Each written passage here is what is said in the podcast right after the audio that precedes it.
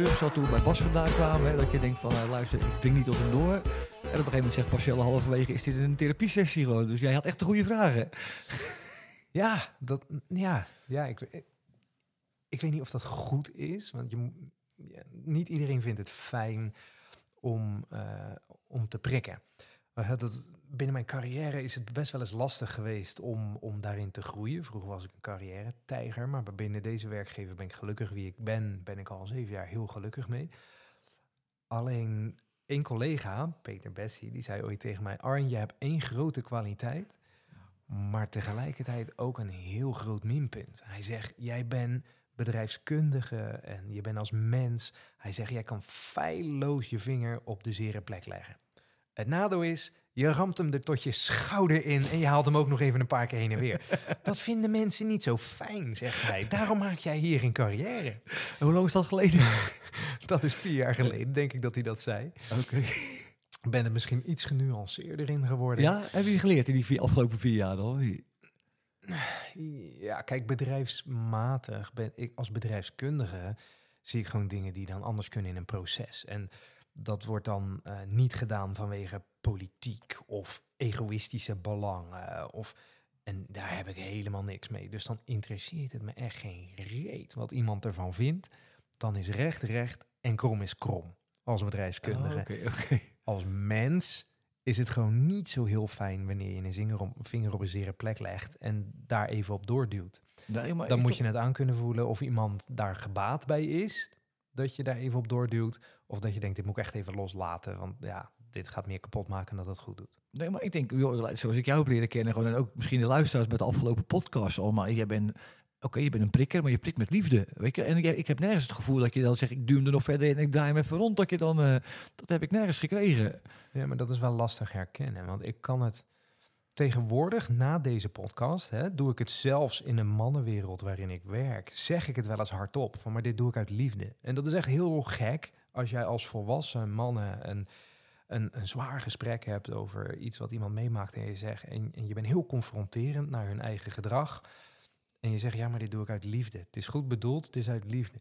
Dat is echt heel gek in een mannenwereld. Nou, dat hoef je mij niet te vertellen. Ik kom uit die motorwereld natuurlijk. Dus in de, de- ja. Wat je moet herkennen, ik prik dan wel uit liefde, maar of de ander het uit liefde ontvangt, ja. daar heb ik geen invloed op. Nee, maar ik denk als je toch je intenties zuiver zijn, want dat, dat, dat, dat weet je van jezelf, dat voel je van jezelf. En dan kan je het ook als mensen dus echt anders ervaren. En je hebt genoeg openheid, je bent echt een tribe. Dan ga je met elkaar in gesprek van, joh, Arjen, ik vond het niet fijn. eh, en dan kan je uitleggen waarom. Weet je dat je dat deed uit, uit interesse, uit oprechte betrokkenheid bij iemand. Klopt. En ja, daar sla je de plank dus ook wel eens in mis. Dat mensen zeggen, nou, daar had ik helemaal geen behoefte aan en eh, dit eh, heb ik als vervelend ervaren. Dan ben je nog zo oprecht als dat je wil, maar dan kan iemand het uiteraard nog steeds vervelend ervaren. Maar wat ik wel altijd zeg is, nou, die ene waarbij het spaak loopt, weegt niet op tegen die tien die ik wel heb kunnen helpen of het juiste heb kunnen zeggen of bereikt heb of iets voor heb kunnen betekenen. Nou ja, ik, ik kom natuurlijk ook eh, uit een ultieme mannenwereld, die motorclubwereld. En er zit ook wel een bepaalde, eh, nou ja, ik wil niet zeggen angst in, maar wel mensen vinden het toch wel eng om over broederliefde te praten. Hè. Als ik dan eh, op die podia sta nu, krijg ik ook wel eens commentaar van mensen zeggen, ja, oh, je had bijvoorbeeld in een van die vorige afleveringen een keer over knuffelbiken gehad, weet je wel. Maar ik denk, ja, het is niet gescript. Jij, gooit die term op tafel. En mensen willen in onze wereld niet zo graag zo gezien of zo genoemd worden. Weet? En ik denk van ja, waar gaat het over? Weet? Wat is, is dit een term? Jij gooit hem op tafel. eh. maar ik denk bij mezelf, joh, moet ik dan mijn toon aanpassen? Moet ik mijn toon matigen? Ik denk bij mezelf, nee, de boodschap is duidelijk. Weet. Wij zijn een club van, van broederliefde. Wij geven om elkaar. En ik denk wat jij zegt, in zo'n wereld, als je dat uitspreekt naar elkaar toe, ja, dan kan misschien raar ervaren worden. Of mensen zeggen, joh, dan ben ik niet gewend dat wij over liefde praten. Maar ja, liefde is natuurlijk veel dieper dan alleen maar gewoon oppervlakkig en eh, liefde op, op de basis van lust. Weet je, als je liefde voor elkaar hebt, is natuurlijk het onbaatzuchtig stimuleren van de groei van de ander. Ja, maar het begint ook met liefde voor jezelf. Want als je zegt, nou, de ter- term knuffelbiker. Ja, biker, dat, dat is dus een hokje wat andere mensen misschien vinden dat een biker zou moeten zijn. Maar jij bent jij. Dus als jij eerst vanuit zelfliefde kiest, dan mag jij toch zijn wie jij bent. Nou ja, kijk, ik denk dat is ook in een, in een bepaalde wereld. Weet je, je zegt over die, als je over bubbels praat, mensen in een bepaalde bubbel zitten ook in een bepaald stramien vast van dat mag wel en dat mag niet.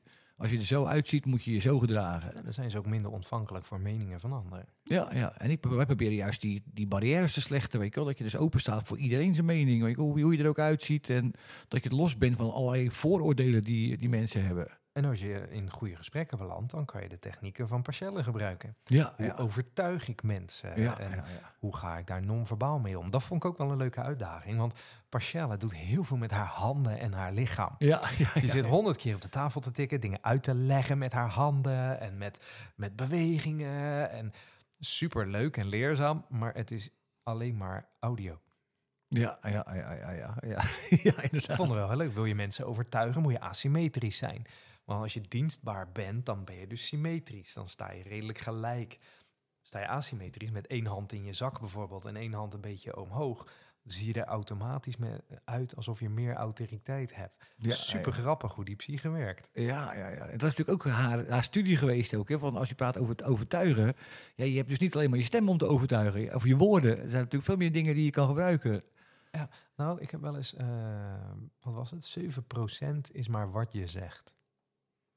Ja, en de rest is gewoon... 23% is de tonaliteit. toon Ja. en, en hoe je het zegt. En de rest is non-verbale communicatie. Ja, ja, ja, ja. Ja, dus zo kunnen kinderen, zeg maar, als ik met mijn kinderen op vakantie ga, die kunnen met, met buitenlandse kinderen die, waar ze de taal niet van eh, verstaan, die kunnen no, binnen no time met elkaar spelen. Want dat is maar die 7% natuurlijk. Ze kijken elkaar aan, dus die, die lichaamshouding. Oh ja, gaan we voetballen? Dan gaan we voetballen. Ik ga misschien wel diep, maar dan moet ik ook meteen denken aan de hondentraining. En wij hebben een vrij grote hond, maar die luistert altijd heel erg goed. Maar dat valt op zich wel mee.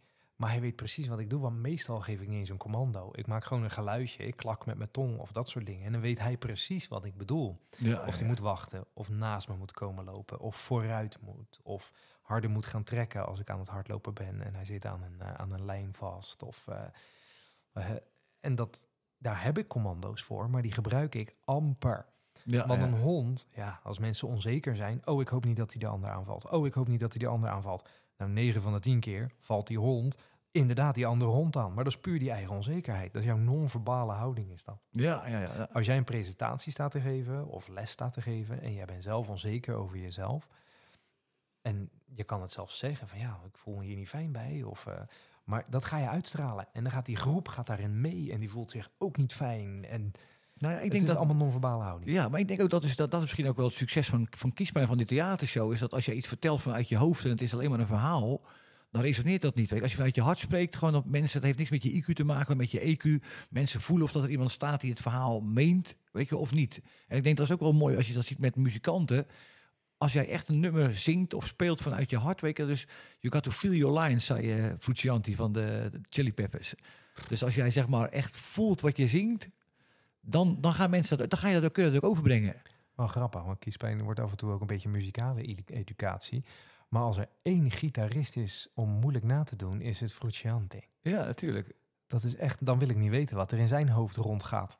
Ja, ja, ja. met al die dingetjes. Want in de basis zijn de akkoorden vrij makkelijk. Maar er zitten zoveel tierenlantijntjes en hammer-ons tussen... dat je denkt van, wat doet hij nou eigenlijk precies? Ja, dat is een genie, hè? Maar die, dat is natuurlijk ook een heel smal lijntje tussen eh, gek en een genie. Op er een zijn een hoop goede gitaristen.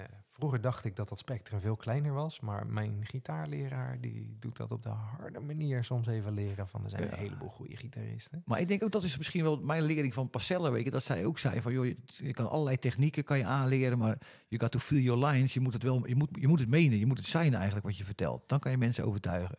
Wat ook wel heel leuk was, is eh, we hadden beperkte tijd. We hadden beperkte tijd voor de podcast opnemen. En we hadden Gerben weer mee, die was onze chauffeur.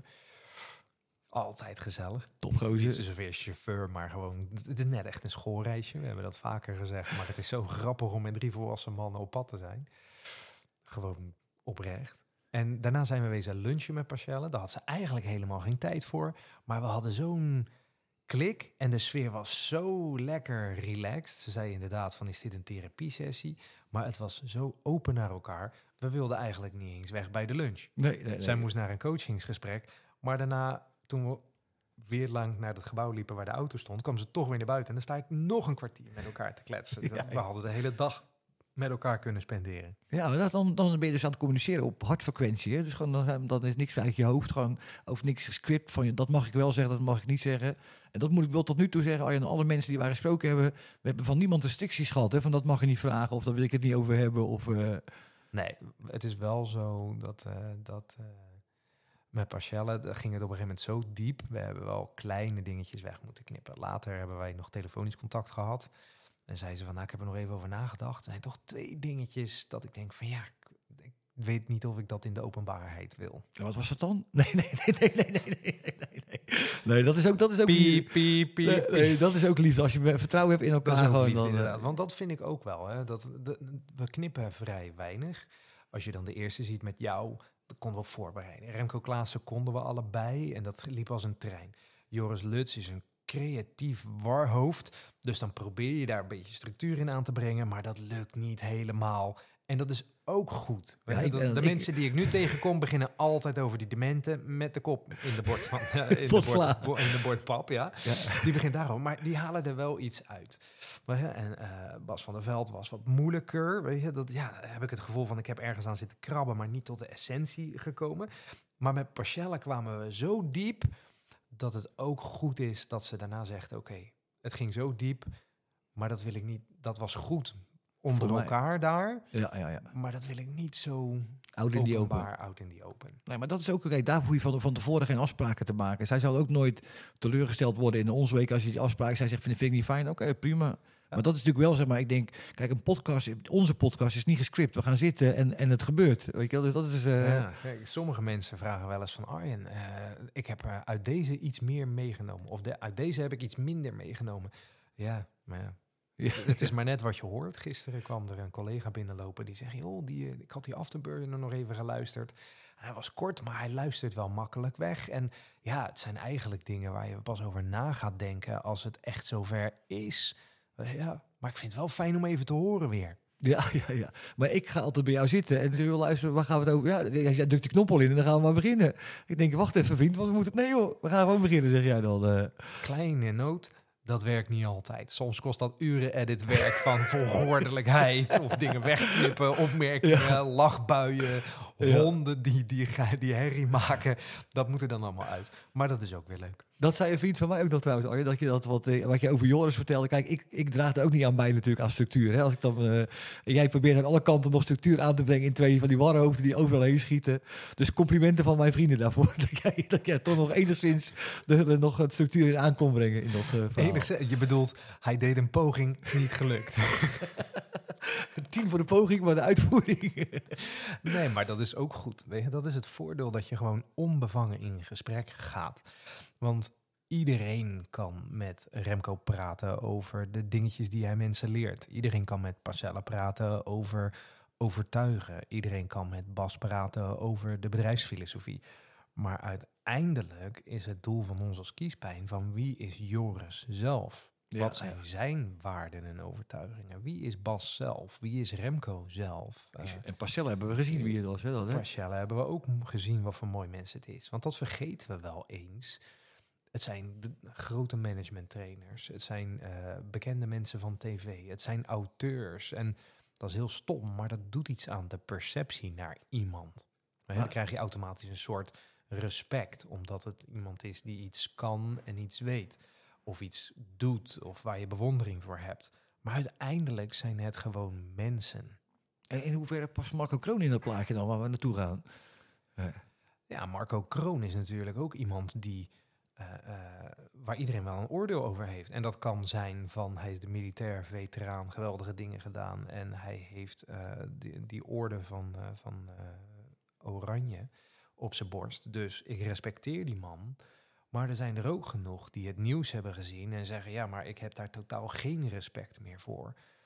Terwijl die mensen die dat alleen maar hebben gelezen in de krant of op eh, het nieuws hebben gezien, weten niet wie de mens is. Dus ik ben dan wel heel benieuwd wie de mens daarachter is. Ja, dat is, wij, dat, wij gaan er ook oordeelloos in. Maar ik denk dat je wel zeg maar een soort... Ja, met dat cancelen tegenwoordig, weet je, dat je een soort trial by media hebt. Dat mensen heel vaak een mening hebben over iemand zonder dat ze überhaupt weten wie die persoon is. Hè? En ben je ook oprecht geïnteresseerd om daar nog eens een keer je eigen in te verdiepen. Terwijl je eigenlijk misschien al een oordeel geveld hebt van eh, die is wel goed, die is niet goed. Nou, je ziet dat ook vaak op nieuwsberichten op Facebook en dat soort dingen. Ik zit er gelukkig niet zo heel veel meer op. Maar iedereen zegt alles maar. En ik vraag me dan altijd af: van jij zegt dit nu, maar zou je dat ook doen als je oog in oog met iemand Ja, staat? en hoe zou je dat dan zeggen?